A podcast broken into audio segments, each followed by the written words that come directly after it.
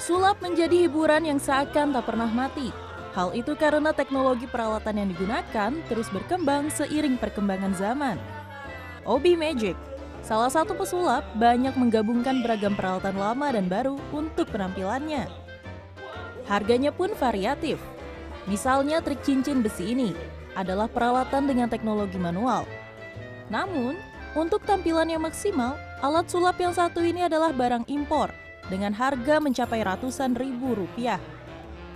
Ada pula yang menggunakan teknologi digital, seperti trik memindahkan koin ke dalam gawai seperti ini, yang harganya bisa jauh lebih murah namun perlu keahlian yang lebih tinggi.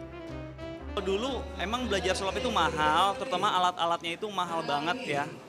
Tetapi sekarang dengan adanya teknologi media sosial, ya meskipun tetap mahal, tetapi ya masih terjangkau lah. Malah beberapa alat sulap harganya malah jadi turun gitu ya karena saking pesatnya media sosial. Sebenarnya alat sulap itu bukan alatnya sih yang mahal, tapi pemikirannya, idenya lah yang mahal gitu. Triknya yang mahal, bukan alatnya tapi idenya yang mahal. Kini, peralatan sulap mudah didapatkan di berbagai toko yang khusus menjual alat sulap. Salah satunya yang berada di daerah Mampang, Jakarta Selatan ini.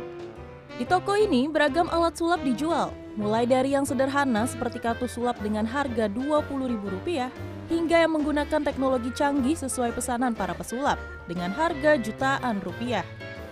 Untuk awal mulanya kita dari online itu sejak tahun 2010.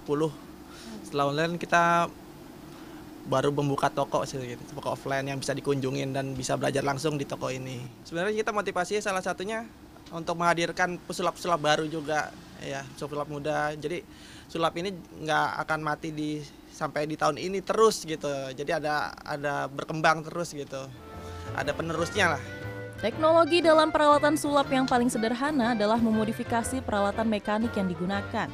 Selain itu, ada pula yang menggunakan baterai. Saya pun penasaran ingin mencoba salah satu trik sulap menggunakan alat yang dijual di toko ini. Setelah tadi diajarkan sebentar sama Mas Fajar, sekarang saya yang akan coba trik sulapnya. Jadi kita akan memasak ala pesulap. Setelah dibakar bahannya kita tambahkan bumbu sedikit. Oke. Kita akan mengubahnya menjadi sesuatu. Mau jadi apa itu? Dalam 3 2 1. Tat. Ayam goreng. Nah, gimana? Udah hebat nggak saya? Sekali diajarin langsung bisa.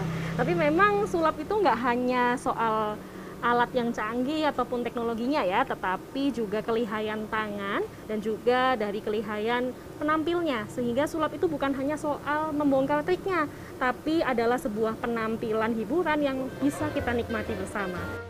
Karena perkembangan teknologi, informasi mengenai alat sulap dan trik menggunakannya bisa didapat dengan mudah.